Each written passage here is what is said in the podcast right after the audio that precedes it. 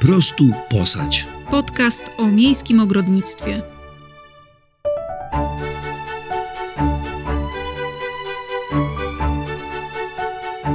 Cześć, jestem Joanna. Uwielbiam rośliny i sadzę je dosłownie wszędzie, nawet na dachu, a moja największa pasja to warzywnik. Cześć, jestem Darek.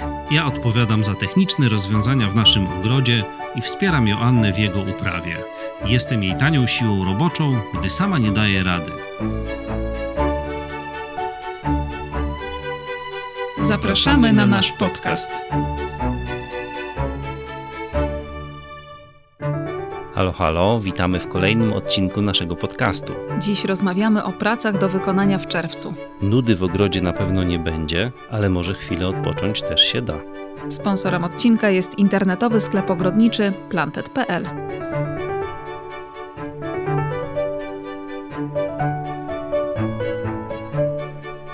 No i mamy czerwiec, to w sumie bardzo fajny miesiąc. Ja bardzo lubię czerwiec. Chyba bardziej tylko od czerwca lubię maj, e, ale wiadomo, maj też ma swój czas na wybrzmienie, e, po czym mija i trzeba się cieszyć z kolejnych miesięcy, ale właśnie takim jednym z najfajniejszych jest czerwiec, dlatego że to jest już taka pełnia lata, takie cudowna atmosfera, piękna pogoda zwykle, dużo lepsza nawet niż w maju bardzo często.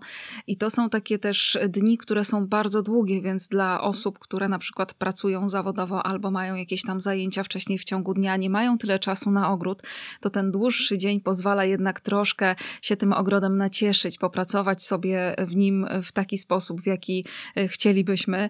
A niestety w maju, nawet w kwietniu szczególnie, zwykle po południu już tak gdzieś 17, 16 już albo zimno, albo ciemno, albo pochmurno i niestety mało jest tych momentów, które możemy na ogród y, przeznaczyć. Zresztą też często jest jeszcze bardzo zimno, więc czerwiec jest takim e, pierwszym, końcówka maja i czerwiec to są takie właśnie pierwsze e, dni, tygodnie, kiedy możemy naprawdę do zmroku posiedzieć w ogrodzie, ale ten zmrok to jest tam 20, 21, za chwilę nawet bliżej 22, więc naprawdę dużo godzin do wykorzystania na dbanie o swój ogród, ale mam nadzieję, że czerwiec też nam wszystkim da trochę takiego wytchnienia, dlatego że te ostatnie miesiące, marzec, kwiecień, maj były bardzo intensywne. W tym roku pogoda była taka sobie, umówmy się, e, było dosyć długo zimno, co też blokowało nas wszystkich ogrodników z takimi pracami i w ogrodzie, i w warzywniku. Zmęczyliśmy się na pewno pracą przy rozsadzie, bo ona jest intensywna, wymagająca, jednak te małe roślinki potrzebują od nas bardzo dużo opieki. No ale właśnie w ostatnich dniach to ostatnie te takie roślinki, to co było do wysadzenia, to już wysadziliśmy. Mam nadzieję, może jakieś tam pojedyncze zostały, tak jak u nas, jakieś jeszcze pomidory do donic do wysadzenia, takie resztki, których szkoda wyrzucić, a nie oddaliśmy jeszcze nikomu ale już to będzie koniec, więc teraz tylko taka utrzymaniówka przez jakiś czas. Trzeba będzie się e, przyglądać trochę ogrodowi, e, co tam się w nim dzieje, zmienia, no ale Myślę, że to będzie taki moment, kiedy też uda nam się troszkę odpocząć, usiąść po południu z książką, poczytać albo pójść z kawą do ogrodu, spędzić ten czas w taki sposób, jaki e, ktoś lubi. Bardzo fajnie teraz takie moje ulubione zajęcie chyba w czerwcu to jest odwiedzanie szkółek ogrodniczych różnego rodzaju, bo e, teraz właśnie pięknie kwitną byliny i możemy je w pełnej okazałości zobaczyć, jak te sadzonki wyglądają, czy faktycznie e, te opisy na etykietach one są prawdziwe, bo widać kolory kwiatów na przykład czasami zdarzają się pomyłki, jak komuś zależy na konkretnym kolorze, no to niestety może mieć taki trochę problem potem, jeśli chce mieć białą rabatę, a nagle trafia mu się jakiś czerwony kwiat na przykład. Natomiast no teraz właśnie to wszystko doskonale widać i można sobie trochę właśnie po tych szkółkach pobuszować. Pojawiają się różne nowości, takie, które jeśli ktoś e, lubi rabaty kwietne, rabaty bylinowe, to myślę, że będzie miał czym nacieszyć oko. Fajne jest to, że w ogrodzie przestaliśmy już trochę marznąć, już nie trzeba się tak ciepło ubierać, żeby popracować czy pobyć sobie w ogrodzie, że można właśnie usiąść na tarasie albo gdzieś tam na hamaku i naprawdę nacieszyć się temperaturą. No czerwiec ma bardzo, bardzo dużo plusów. Te kwitnące rabaty kwietne też w ogrodzie, one teraz są najpiękniejsze. Teraz kwitną te kwiaty, które pojawiają się właśnie bardzo często tylko w czerwcu, które mają niesamowite kolory, taka pełnia życia i jeszcze ta ziemia ziemia nie jest taka zmęczona upałem, jeszcze rośliny nie są zmęczone upałem, więc wszystko wygląda pięknie, bujnie rośnie, ale niestety, żeby nie było aż tak cukierkowo, to jak to wszystko bujnie rośnie, to też wymaga troszkę pielenia, bo razem z naszymi pięknymi roślinami bujnie rosną też chwasty, które nam, naszym roślinom zabierają składniki odżywcze, więc trzeba się ich na bieżąco pozbywać. No i niestety to jest też taki czas, kiedy robi się coraz cieplej i te szkodniki, które jeszcze gdzieś tam się chowały w jakichś norkach, dziuplach, słomkach, gałęziach, one zaczynają wychodzić na powierzchnię i atakować nasze rośliny. I sporo osób w tym sezonie narzeka na inwazję prawdziwą ślimaków. U nas w ogrodzie też ona się zdarzyła. Ostatnie dwa lata były naprawdę bardzo takie lajtowe, jeśli chodzi o ślimaki. My dosyć mocno w poprzednich latach tępiliśmy i faktycznie było widać ogromną różnicę w poprzednim sezonie. No ale niestety w tym sezonie już nie widać tych ślimaków. Jest zatrzęsienie, pewnie dlatego, że maj, końcówka kwietnia były dosyć takie chłodne, deszczowe. To były takie warunki, które ślimakom najwyraźniej sprzyjały ale prawdziwymi chmarami pojawiły się też już mszyce i sporo osób na to również narzeka, więc polecam, żeby się wybierać do ogrodu e, nie tylko właśnie z tym kubkiem kawy, żeby cieszyć się e, tymi kwiatami, które nam kwitną, krzewami, piękną, soczystą trawą, ale żeby też e, trochę zamienić się w takiego diagnostę, co może naszemu ogrodowi dolegać. Czy jakieś tam szkodniki się nie pojawiły na bukszpanach, na przykład już jest ćma bukszpanowa, już ktoś tam donosił, że się pojawia. Przyglądajmy się różom, innym roślinom pod kątem mszyc właśnie, y, które na wczesnym etapie bardzo łatwo zwalczyć. Świetny jest na przykład wyciąg z czosnku, bardzo polecam. Czosnek jest ogólnie takim bardzo dobrym lekarstwem i dla nas ludzi, i bardzo często właśnie dla roślin. Może to kwestia jego zapachu, że trochę odstrasza. Działa naprawdę, tylko że właśnie trzeba zacząć działać odpowiednio wcześnie, kiedy ta, ten nalot tych różnego rodzaju szkodników nie jest za duży. E, ja też bardzo często mszycę, jeśli to są takie pojedyncze gałązki obsiedziane, obsiądnięte, nie wiem jakim jest właściwe słowo, e, przez mszycę, to ja je po prostu zgniatam. Brutalnie, e, mało to jest estetyczne, ale piekielnie skuteczne, więc bardzo polecam, jeśli ktoś miałby ochotę. I ostatnia z takich rzeczy, które fajnie byłoby robić w czerwcu, to zdjęcia naszego ogrodu. My niestety bardzo często się zapędzamy w tych pracach ogrodowych tak bardzo, że zapominamy o tym, żeby czasami tak się zatrzymać i właśnie zrobić zdjęcie. I może wszyscy sobie narzućmy takie właśnie e, zadanie, żeby w każdą niedzielę zrobić zdjęcia, przynajmniej kilka ogrodu i kwiatów, tego jak się zmienia ogród na takim szerszym planie, ale też tego jak poszczególne kwiaty pięknie wyglądają. Potem w zimie będziemy mieli sobie co oglądać. No to zanim zrobimy te zdjęcia, to może przyjrzyjmy się rabatom kwiatowym. Co tam jest jeszcze do zrobienia? No właśnie, żeby zdjęcia też ładnie wyglądały, to trzeba troszkę czasami o te rabaty zadbać. I przede wszystkim teraz taka najważniejsza praca to jest pielenie. Pielenie dlatego, że chwasty rosną potwornie szybko. One e, jakoś tak mają w sobie taką niesamowitą wolę życia, przetrwania, że są w stanie zagłuszyć wszystko. I jeśli ktoś ma ściółkę, na przykład, nie wiem, korę albo jakąś inną ściółkę, którą stosuje na rabaty kwiatowe, to tego pielenia może nie ma aż tak dużo. Natomiast e, osoby, które nie ściółkują zupełnie, pewnie troszkę więcej pracy będą miały i u nas niestety jest też ta druga sytuacja. Ostatnie dni, trzy dokładnie, spędzałam właśnie na pieleniu rabat kwiatowych. Jest tego naprawdę, naprawdę dużo. Ale pielenie warto wykonać, dlatego że jeśli teraz usuniemy młode chwasty, to one nam się nie rozsieją i z roku na rok tych chwastów będzie coraz mniej. Będą tylko takie, które gdzieś tam nam wiatr nawiewa albo ptaszki przynoszą ze sobą. Natomiast e, jeśli zostawimy jakieś tam, nie wiem, pokrzywy, łobodę czy coś takiego i one same się rozsieją, no to niestety będzie ich bardzo, bardzo dużo więcej.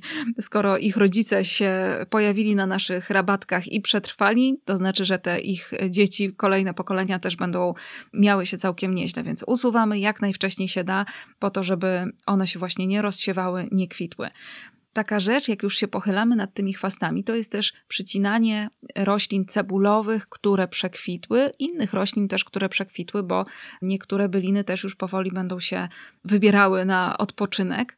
I pamiętajmy o tym, że roślinom cebulowym trzeba usunąć te pędy kwiatowe, które powoli zaczną już o tej porze roku wytwarzać takie główki z nasionami. Jeśli ktoś ma ochotę sobie poeksperymentować i wysiać takie nasiona z takiego tulipana, to oczywiście może zostawić. Natomiast jest to dosyć żmudna praca. Nie wiemy, czym ten nasz tulipan się zapylił i czy on będzie ładny, czy nieładny. W ramach eksperymentu bardzo polecam. Jeśli ktoś myśli, że za rok uzyska z takich nasionek tulipany, no to niestety muszę wyprowadzić z błędu, aż tak szybko to nie trwa. Potrzebujemy niestety parę lat, żeby ta cebulka była na tyle duża, żeby faktycznie ładnie nam y, zakwitła, ale oczywiście i takie eksperymenty bywają fajne, więc jeśli ktoś ma ochotę, to jak najbardziej. A generalnie, jeśli ktoś nie ma ochoty eksperymentować, to te właśnie łodygi kwiatowe ucinamy, ale staramy się zostawiać jak najwięcej liści, bo te liście teraz nam będą karmiły cebulę. O tej porze można też te miejsca, na których rosną na rabatach rośliny cebulowe, delikatnie nawieść, po to, żeby właśnie więcej składników odżywczych do tych cebulek się dostało, żeby one nam ładnie wyrosły, wzmocniły się i za rok dały piękne kolejne tulipany. Ale pamiętajmy o tym, że nie wszystkie tulipany, które sadzimy, powtarzają kwitnienie. Niestety teraz coraz więcej tych odmian, które są piękne, kwitnie nam jeden, dwa sezony, a potem zanikają. Więc y, niestety, ale jeśli ktoś chce mieć dużo tulipanów w ogrodzie, to teraz niestety co roku w zasadzie trzeba dosadzać albo szukać takich odmian, które właśnie powtarzają kwitnienie. Jeśli mamy taką sytuację, że jakieś rośliny cebulowe, u nas to na przykład były krokusy, że te listki już uschły, to te listki oczywiście usuwamy, ale dopóki są zielone, nie usuwamy.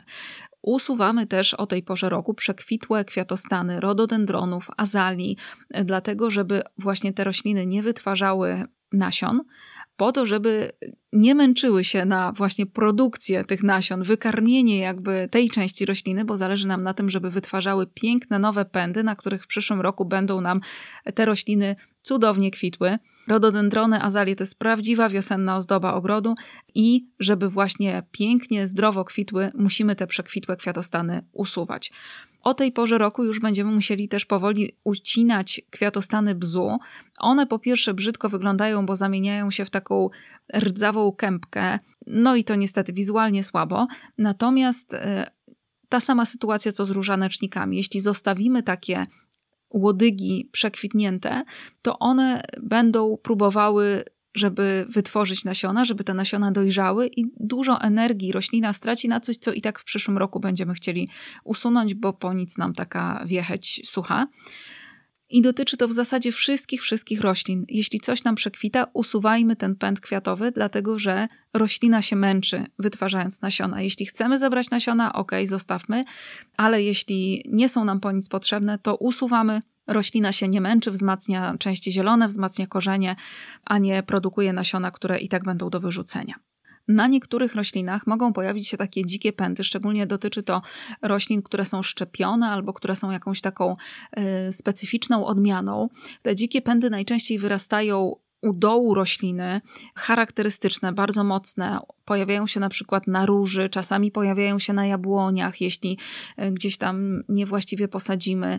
Pojawiają się na drzewkach, krzewach owocowych, więc wszystkie te takie dzikie pędy usuwamy. Usuwamy też te gałęzie krzewów ozdobnych, które wracają do pierwotnej swojej wersji. Jeśli mamy na przykład jakąś roślinę o ozdobnych liściach, a jest to taka fajniejsza odmiana gatunku popularnego, może się zdarzyć, że nam ta roślina wraca genetycznie, jakby się cofa do tej rośliny takiej pierwotnej, na której była szczepiona, czy z której powstała.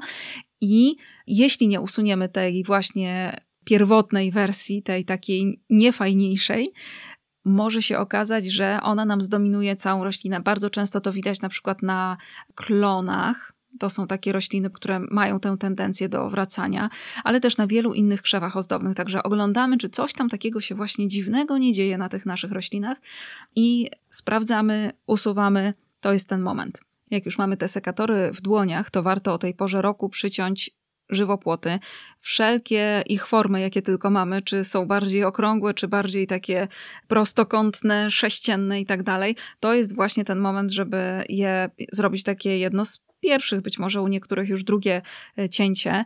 E, Im częściej tniemy, tym ładniej się te żywopłoty zagęszczają. Dotyczy to też tych form kształtowanych różnego rodzaju iglaków, formowanych, warto właśnie teraz w czerwcu, ewentualnie potem w sierpniu powtórzyć taki zabieg wyrównywania tych wszelkich y, krawędzi, powierzchni, y, tych takich chmurek, kulek, sześcianów, cokolwiek tam sobie wymyśliliśmy do y, formowania, to to jest właśnie ten moment, żeby się tym zająć. Bardzo polecam używanie ręcznych narzędzi albo takich specjalnych nożyc do żywopłotów, tych, które są takie właśnie bardziej płaskie w formie. Naprawdę szybko można sobie mocno pracę przyspieszyć. No i jeszcze z takich prac utrzymaniowych, bardzo ważną niestety rzeczą jest podlewanie. To są takie dni teraz, kiedy może być bardzo sucho. Zdarzają się burze, natomiast częściej jest bardziej sucho i trzeba się przyglądać naszym rabatom też naszym uprawom i w warzywniku, i różnego rodzaju roślinom, które mamy, i żywopłotom też, bo bardzo często się zdarza, że właśnie one nam schną przez brak wody. Tej wody jest coraz mniej. Jeśli mamy takie rośliny, na których nam zależy, to właśnie podlewamy. Polecam się rozejrzeć też za różnego rodzaju systemami zbierania deszczówki i tak dalej, bo wody jest coraz mniej, jest coraz bardziej cenna i powinniśmy o nią dbać. Jeśli tylko mamy taką możliwość, to korzystajmy z tego, co nam właśnie natura daje.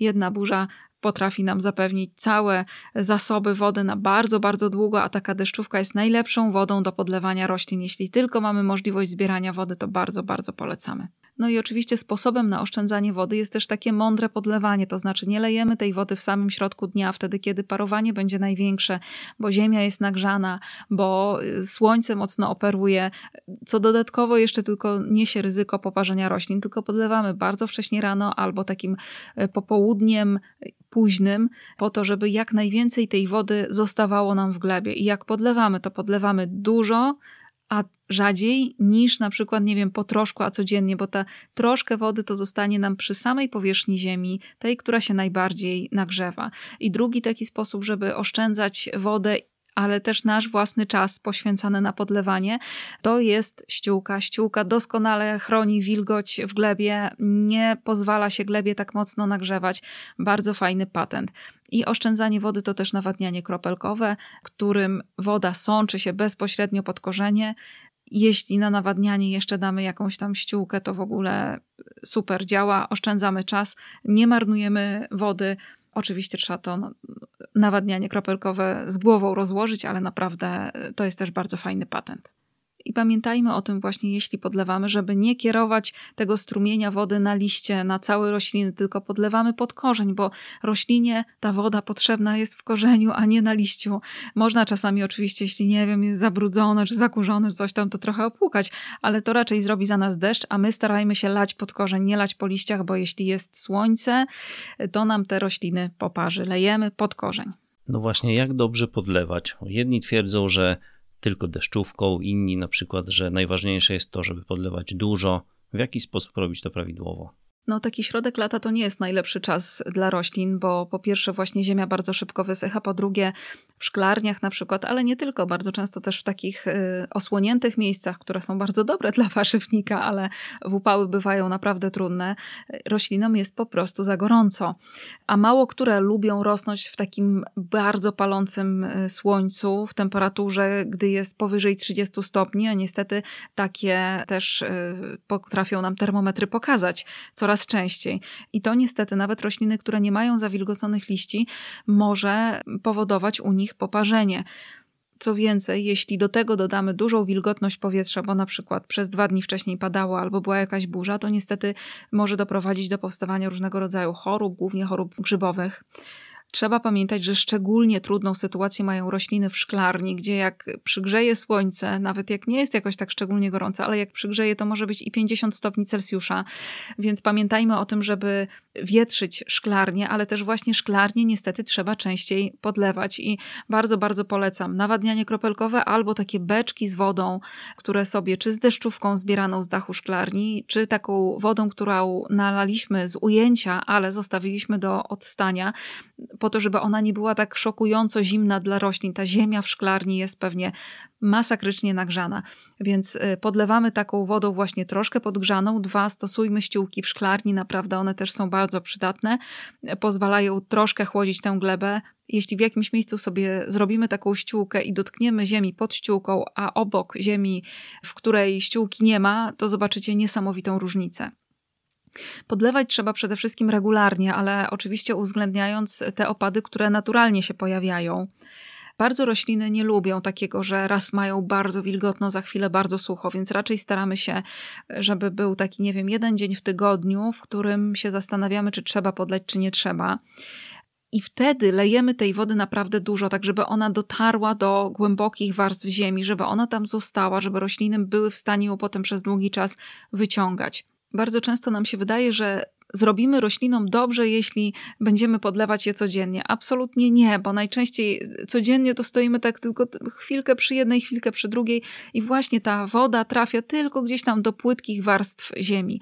E, trzeba podlewać dużo. Dwa. Codziennie owszem, coś trzeba podlewać, ale są to przede wszystkim donice. W lecie niestety wszystko, co rośnie w donicach wymaga dodatkowego e, takiego podlewania, dodatkowej troski, dlatego że ta ziemia w donicach jest jej mało i ona bardzo szybko na upale wysycha.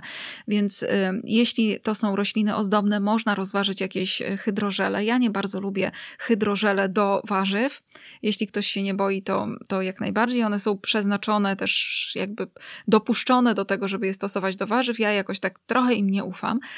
Natomiast jak najbardziej można używać do takich roślin w donicach e, ozdobnych, pelargonii, surfini różnego rodzaju, bo to oczywiście ogranicza trochę ilość podlewania i e, ten hydrożel zamienia się właśnie w taką galaretkę, która jest rezerwuarem wody dla naszych roślin. Natomiast, no niestety, tak czy inaczej, trzeba codziennie zobaczyć, czy ta donica nam nie przeschła za bardzo, bo te rośliny kwitnące bardzo często, jak przeschną za mocno, to one potem już nie wrócą do pierwotnego stanu, więc trzeba jednak o nie dodatkowo dbać, dodatkowo pilnować. Niestety, bardzo często podlewać nawet codziennie, ale to jest wyjątek. Rośliny w donicach to taki trochę wyjątek. Raczej podlewamy rzadziej, a więcej wody, niż częściej, a mniej tej wody. Oczywiście, jeśli mamy takie sytuacje ekstremalnych upałów, to warto też się zastanowić, co zrobić, żeby tym naszym roślinom nie było za gorąco. I może się okazać, że e, szklarnię trzeba będzie troszkę zacienić. Ja nie jestem wielką fanką takiego chlapania wapnem po e, suficie szklarni. Wiem, że niektórzy to robią, ale jakoś ze względów estetycznych mi ciężko to przyjąć u mnie w ogródku, więc ja tego nie robię. Natomiast jeśli mamy takie sytuacje, że jest 34 stopnie, na przykład w zeszłym roku tak było, to ja po prostu biorę prześcieradło prześcieradło duże takie, na duże łóżko i na dach zarzucam właśnie na cały dzień. Te upały nie, to nie trwa tak, że nie wiem, jest cały miesiąc i te rośliny mają za dużo cienia przez cały miesiąc, czy mało słońca, tylko to zwykle są 2-3 dni. Przez te 2-3 dni właśnie moje rośliny są lekko zacienione takim właśnie prześcieradłem, na przykład białym a potem już sytuacja wraca do normy. Oczywiście w te dni, kiedy jest ciepło, wszystkie otwory w szklarni, jakie tylko się da, okna, drzwi, można nawet wyjąć jedną część panelu, jeśli u kogoś jest to możliwe, otwieramy i wietrzymy. Absolutnie nie można doprowadzać do sytuacji, w której w szklarni nie ma przewiewu, gdzie jest taki zaduch od jeszcze tej wilgoci z podlewania na przykład. To jest prosta droga do chorób grzybowych, więc absolutnie tego nie robimy. Chłodzimy szklarnię, bryza taka, wiaterek, który się pojawia z takiego delikatnego przeciągu, tylko sprzyja zapylaniu tych roślin, roślin, które są w środku, nie ma co liczyć na to, że im cieplej, tym rośliny nam będą lepiej rosły. Absolutnie nie. Pomidory wręcz jak będą miały za gorąco, za wilgotno, będą zrzucały kwiaty i tak owoców nie będzie, więc wietrzymy szklarnię, otwieramy ją i najlepiej, żeby ona w lecie, jak jest ciepło, jeśli w nocy jest 10 stopni przynajmniej, to niech ta szklarnia stoi otwarta cały czas, nie zamykajmy jej na noc. Jeśli jest już tak ekstremalnie gorąco, to można jeszcze w szklarni polać podłogę zimną wodą, ta zimna woda mocno obniża temperaturę, naprawdę o kilka stopni, ale to jest właśnie już taka sytuacja ostateczności, bo lejemy tą wodę, po pierwsze marnujemy, bo ona natychmiast paruje, po drugie podnosi nam wilgotność w szklarni, więc to jest takie trochę, y, czy może być takie zaproszenie dla chorób grzybowych. I oczywiście, jeśli ktoś nie ma nawadniania kropelkowego, nie chce stać sobie z taką lancą czy ze szlauchem do podlewania, można takie wahadełko odpalić na przykład. To jest fajny patent, dlatego że to jest taka imitacja trochę tej wody z deszczu, tego jak pada woda deszczowa i to roślinom dobrze robi. Na, najczęściej nie powoduje jakiś tam, e, że one się pokładają, wyłamują czy coś takiego, jeśli nie podlewamy zbyt długo, nie zostawiamy na pół dnia takiego wahadła, to naprawdę e, fajnie roślinom robi, właśnie imitując taki deszcz. Jest to bardzo skuteczne podlewanie i znowu samo się podlewa, my nie musimy stać. Zaczęliśmy od stwierdzenia, że czerwiec jest fajny, no i rzeczywiście jest fajny, również dlatego, dlatego że w czerwcu są truskawki. truskawki, ale też e, poziomki, jagody kamczackie, czereśnie przede wszystkim. E, także już zaczyna być całkiem nieźle, a truskawki chyba są najpyszniejszym takim plonem czerwcowym. No i jeszcze myślę, że tak już końcówka czerwca, to już nawet będziemy mogli zerkać w stronę agrestu, malin, porzeczek. Już mogą się tam pojawiać jakieś pierwsze zaczerwienienia warte analizy, czy to już nie jest pora e, zbiorów. Wszystko zależy oczywiście od odmiany, jakie mamy, ale życzę wszystkim, żebyśmy e, mogli zbierać właśnie w czerwcu jak najwięcej tych owoców.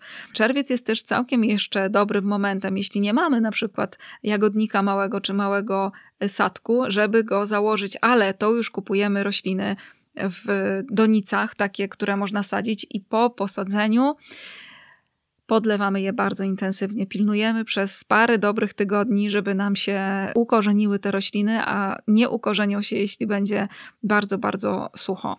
To jest też taki czas, kiedy bardzo intensywnie nam te wszystkie nasze rośliny rosną, szczególnie młode drzewka owocowe. Zobaczycie, że te gałęzie są czasami metrowe przyrosty niemalże i to jest moment, żeby formować e, korony, czyli nadawać e, naszym tym drzewkom owocowym taki pożądany kształt, ale też, e, żeby usuwać to, co gdzieś tam zostało uszkodzone, na przykład albo co się krzyżuje, albo odginać, bo teraz jeszcze te gałązki są młode, odginać w, taki, w taką stronę, która będzie dla nas pożądana na przykład, nie wiem, przyginając do pozycji poziomej gałęzie młodych jabłoni, po to, żeby one właśnie rosły w poziomie, a nie w pionie, żeby e, nam ładniej owocowały, ładniej plonowały te owoce, żeby też były łatwiej dostępne. Tutaj można jakieś różnego rodzaju klipsy, rozpórki, obciążniki stosować. Może się zdarzyć, że na tych krzewach jagodowych, które e, sadziliśmy z, takim, e, z taką nadzieją na te zbiory, że zaczną się nimi częstować ptaki. Niestety to jest taki moment różnego rodzaju kwiczoły, kosy. Bardzo lubią się e, częstować. U nas też mam wrażenie, że wiewiórka przychodzi na malinki czasami. Tak ją widzę w tej okolicy i tak się trochę dziwię, że wiewiórka zjada maliny albo truskawki, ale tak to właśnie wygląda, jakby się tam częstowała. Więc jeśli nie chcemy się dzielić plonami z jakimiś tam ptakami czy innymi zwierzątkami, to warto teraz na początku miesiąca, tak, e, czy tuż przed e, takim dojrzewaniem owoców, warto okrywać je siatką, ale pilnujmy tego, żeby ta siatka była tak założona, na tyle e, solidna, dobrze się trzymała, żeby ptaki się w nią nie zaplątały w tym naszym jagodniku czy sadzie warto też e, zwracać uwagę na to, czy krzewy nie potrzebują podlewania, czy nie warto by było wyściółkować ziemi pod spodem po to, żeby nie rosły chwasty, e, żeby jednak więcej wilgoci w glebie zostawało. Czy nie ma tam jakichś szkodników, bo to jest właśnie czerwiec, to jest taki czas, kiedy szkodników bardzo dużo się pojawia, więc jak tylko coś wypatrzymy, to starajmy się jak najszybciej zidentyfikować i y, stosować jakieś tam środki zaradcze albo profilaktykę też jak najbardziej y, warto. Wspominałam już o tych różnego rodzaju odrostach na drzewach, krzewach, ozdobnych, ale w sadzie jest dokładnie to samo. Trzeba zobaczyć, czy tam coś się nie pojawiło takiego, co gdzieś tam nam odrasta, jakaś dziwna, młoda, bardzo witalna gałązka, to trzeba ją usunąć, niech nam nie zabiera energii z naszego drzewka. No i przyjdzie taki czas, że sporo owoców, jeśli mamy na przykład jabłonie, sporo owoców nam opadnie. Jest to taki czas właśnie teraz, że te zawiązki będą się troszkę naturalnie przerzedzały. Natomiast jeśli to by było tak, że gałęzie na młodych drzewkach szczególnie są mocno oblepione owocami, y, to nadal część z nich warto usunąć po to, żebyśmy mieli te plony w przyszłości bardziej solidne, bardziej dorodne, żeby te owoce były takie zdrowsze i ładniejsze. A jak dbamy o trawnik w czerwcu? O, trawnik to nam niestety generuje w czerwcu, w lipcu bardzo dużo pracy, w maju też. Moment, kiedy rośnie bardzo intensywnie, kiedy trzeba kosić przynajmniej raz w tygodniu, e, kiedy warto byłoby czasami przegrabić, szczególnie jeśli nie kosimy z e, koszem, gdzieś tam może tych odpadków sporo zostawie, zostawać, także warto byłoby e, czasami tak solidniej wygrabić. Trzeba ten trawnik nawozić, a zdarza się też, że jeśli jest bardzo długo sucho, to raz na jakiś czas trzeba go podlać, ale też właśnie podobnie jak, jak wcześniej mówiłam, lepiej raz, a porządnie niż codziennie po trochu lać, bo szkoda wody. To jest też taki moment, że e, pojawia się na trawniku bardzo dużo chwastów, kiełkuje wszystko to, co tam w międzyczasie nam wiatry różne nawiały, więc usuwamy te chwasty, chyba że je pokochaliśmy, na przykład chcemy, żeby zostały. Takim do pokochania chwastem na trawniku na pewno są stokrotki na przykład, albo koniczyna. Niektórzy lubią też mniszki na przykład, ja nie bardzo. Lubię jak kwitną, ale jak potem się rozsiewają, jest ich bardzo dużo, to już niekoniecznie. Także usuwamy. Jeśli będziemy to robić regularnie, to nie trzeba będzie usuwać jakimiś tam herbicydami. Wystarczy wtedy takim szpikulcem specjalnym podważyć korzenie i tam, nie wiem, kilkadziesiąt chwastów z trawnika wyrwać naturalnie. Tak jest na pewno dla trawnika lepiej. Jeśli mamy jakieś zwierzątka w domu, to e, wybieramy też nawozy do trawników takie, które są ekologiczne, organiczne, które sprawiają, że nie leży ta właśnie kulka taka potem e, całymi tygodniami. Często w nawozach tych, które się długo uwalniają, to te kuleczki potrafią tak długo, długo e, leżeć. One bardzo powoli się dostają do ziemi. Natomiast e, nawozy organiczne często jest tak, że wystarczy przelać je wodą i one już będą sobie w głąb ziemi szły, ale oczywiście trzeba je rozsypywać troszkę częściej. Wspominałam już o tym, żebyśmy zabierali skoszoną trawę z trawnika. Ona oczywiście trochę jest takim naturalnym nawozem, jak się rozkłada, ale też jeśli zostawimy jakieś takie większe połacie, to mo może doprowadzać do tego, że trawa, ta rosnąca, która jest pod spodem takiej kubki zeschłej y, trawy skoszonej, że będzie wręcz zamierać. Dlatego staramy się nie zostawiać, zbierać tę trawę, a ścięta trawa jest świetnym narzędziem na przykład do ściółkowania. To jest naprawdę bardzo fajny patent, ale cienką warstwą często trzeba rozkładać, a cienką warstwą. Jeśli położymy gdzieś taką górę trawy w kącie ogrodu na przykład, to zobaczycie, że ona zaczyna e, troszkę inaczej e, pracować, bardzo szybko zaczyna tak gnić, brzydko pachnieć i to nie jest e, takie dobre, to nie jest takie porządne, dobre kompostowanie, ale oczywiście trawę na kompost też można wrzucać, tylko znowu też właśnie cienką warstwą i ewentualnie przekładać tą warstwą brązową, jakąś tekturą, suchymi częściami roślin i tak dalej. Coraz więcej osób uprawia też rośliny na balkonach. No to jak dbać o te uprawy balkonowe? Ja bardzo podziwiam osoby, które uprawiają właśnie czy kwiaty, czy warzywa na balkonach, bo jest to na pewno troszkę trudniejsze niż uprawa w gruncie. My mieliśmy przez kilka lat warzywnik na balkonie i wiem, ile on wymaga opieki, szczególnie właśnie w środku lata, kiedy bardzo szybko robi się tak gorąco, upalnie wręcz, a na balkonie dodatkowo gdzieś tam od tych ścian, od podłogi betonowej najczęściej odbijane jest to ciepło, więc jeszcze dodatkowo ta temperatura się podnosi.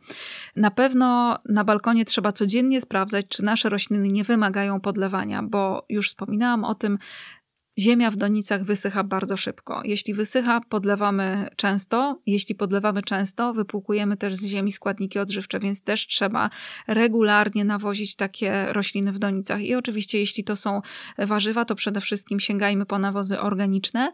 Jeśli to są kwiaty, można też e, stosować nawozy mineralne, bardzo fajne. E, natomiast też nie przesadzajmy z dawkami, bo to może doprowadzić do takiego no, zasolenia ziemi. Też rośliny nie będą na to reagowały wyłącznie dobrze. Więc przede wszystkim pilnujemy tego, żeby ta ziemia w donicach była w miarę stale wilgotna i tutaj również donice również można ściółkować, chroniąc trochę tę glebę.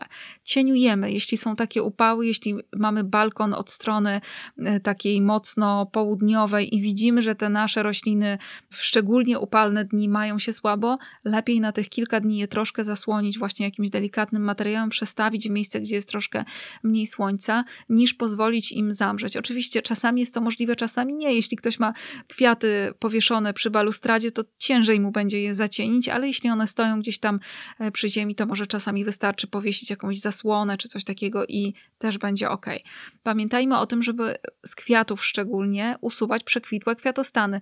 Jeśli usuwamy, to roślina cały czas będzie produkowała nowe, po to, żeby przedłużyć właśnie swój gatunek, więc usuwamy te kwiatostany Dzięki temu kwiatów mamy jeszcze więcej. Nie dopuszczamy do tego, żeby na przykład e, pomidory nieprzycinane Zostawiamy je rosnące takie, jak im się podoba, nie usuwamy wilków i one nam się zamieniają w taką dżunglę. Zacieniają owoce, zacieniają inne rośliny.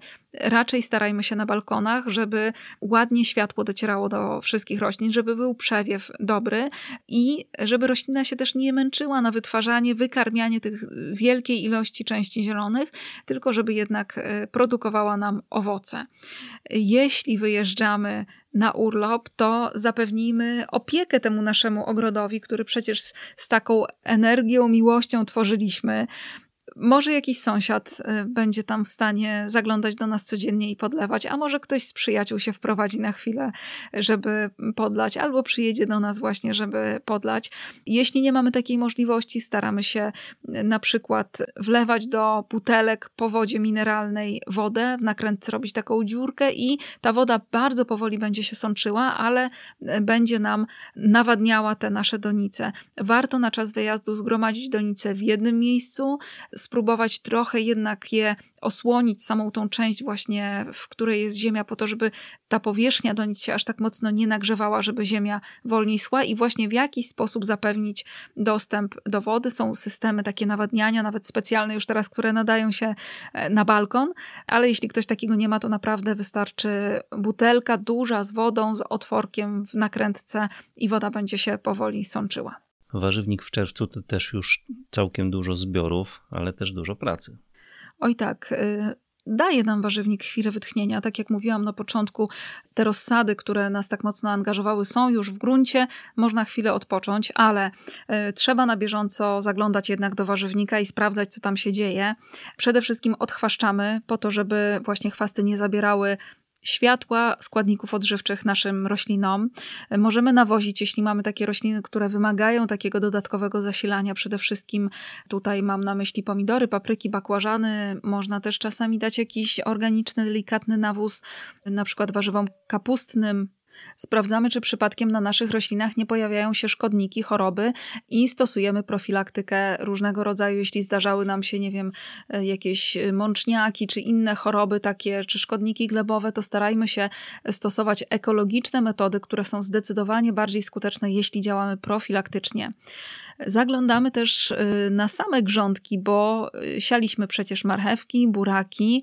Może się okazać, że nam pięknie skiełkowały te roślinki, ale jest ich trochę za dużo. Jeśli zostawimy na przykład w rządku z marchewką y, wszystkie skiełkowane rośliny, może być im za ciasno i nie wykształcą tak ładnych korzeni, jakbyśmy chcieli, więc zostawiamy tak przynajmniej ze 2 cm przerwy pomiędzy tymi roślinkami. Wiem, że serce boli, ale można te wyrwane marcheweczki jeszcze spróbować przenieść w inne miejsce miejsce, natomiast trzeba pamiętać po takim przeniesieniu, żeby przez kilka przynajmniej dni bardzo dobrze je podlewać. To samo dotyczy buraków, to samo dotyczy pietruszki. Jeśli skiełkowały nam zbyt mocno, można spróbować je przetransportować w inne miejsce i podlewając utrzymać je przy życiu.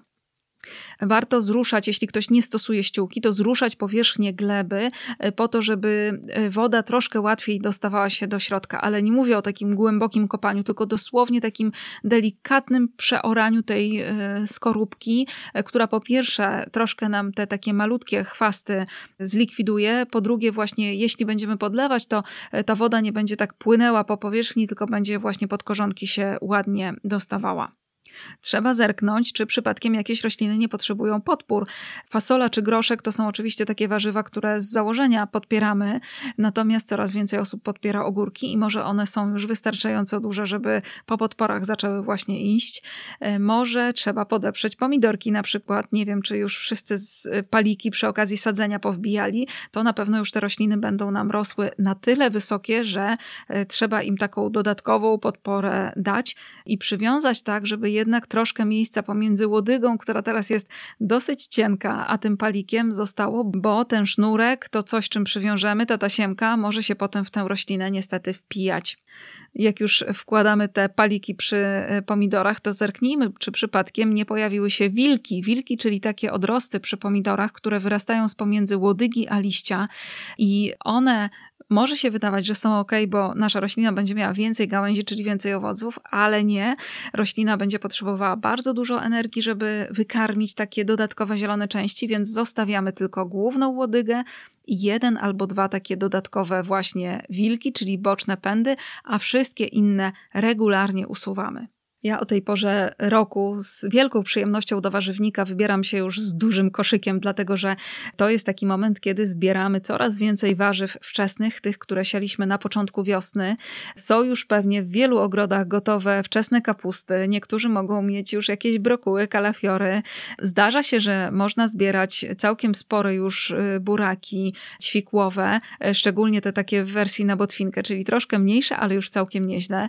Zimująca cebulka to już jest taki e, właśnie fajny produkt z grządki, gotowy do wzięcia. Kalarepa w czerwcu zaczyna już nam dawać całkiem fajne plony. Być może u kogoś jeszcze jest rzodkiewka. Sałaty to już myślę, że większość z nas ma dosyć po tych ostatnich tygodniach sałatowych mocno. Szpinak pewnie już zaczyna powoli od ciepła iść w kwiat, ale jeszcze jakieś ostatnie listki można zbierać. Groszek zielony, bób, to są wszystko właśnie te takie czerwcowe, pyszne plony. W czerwcu nadal można też siać warzywa do gruntu. O tak, jest ich całkiem sporo. W pierwszych tygodniach e, czerwca mamy najlepszy czas, by nadal siać e, do gruntu nasiona warzyw ciepłolubnych, lubiących długi dzień, cukinie, kabaczki, patisony, cykorie można siać, e, kukurydzę, okrę, ogórki. To jest nadal bardzo dobry czas, żeby to zrobić. Należy pamiętać jednak o tym, że te warzywa poza ciepłem potrzebują też e, stałej wilgotności gleby, szczególnie w okresach, kiedy jest bardzo ciepło.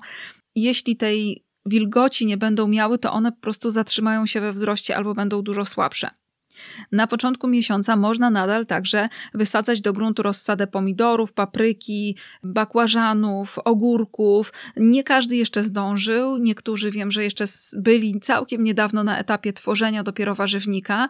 Natomiast myślę, że teraz już y, jest taka możliwość, żeby troszkę taniej kupić te rozsady, że gdzieś tam ci, którzy je produkowali, którym y, zostały, są w stanie albo oddać za darmo, albo dużo, dużo taniej, więc warto się rozejrzeć gdzieś na lokalnych bazarkach. Można sadzić też, jeśli jeszcze tego nie zrobiliśmy, rozsadę arbuza, melona. To jest nawet lepszy czas niż ten y, czas majowy, kiedy jeszcze zdarzają się y, chłodne dosyć noce. Warto szukać też takich miejsc na naszych grządkach, które gdzieś tam zostały puste albo które e, na przykład opustoszały po jakichś wcześniejszych zbiorach i szukać, co my tam moglibyśmy jeszcze posiać. E, po 15 czerwca na grządki można e, siać na przykład jeszcze koper, sałatę łodygową. Można także przez cały miesiąc dosiewać właśnie na przykład w te puste miejsca buraka ćwikłowego, fasolę szparagową, koper, Marchewkę też zdarza mi się siać jeszcze w czerwcu. Ona nie zawsze urośnie taka duża, duża, natomiast no taka y, świeża, młodziutka marchewka jest przepyszna, więc warto to robić. W czerwcu niekoniecznie warto natomiast wysiewać te gatunki, które y, lubią ciepły dzień, jak rzodkiewka, szpinak czy sałaty te takie standardowe. Warto zrobić sobie przerwę na ten czas, bo one y, większość energii zużyją jednak na bardzo szybkie wytwarzanie pędu kwiatostanowego. Jeśli bardzo nam zależy, można próbować w jakimś takim miejscu, które jest troszkę troszkę bardziej zacienione. Trzeba pilnować, żeby ziemia była cały czas wilgotna.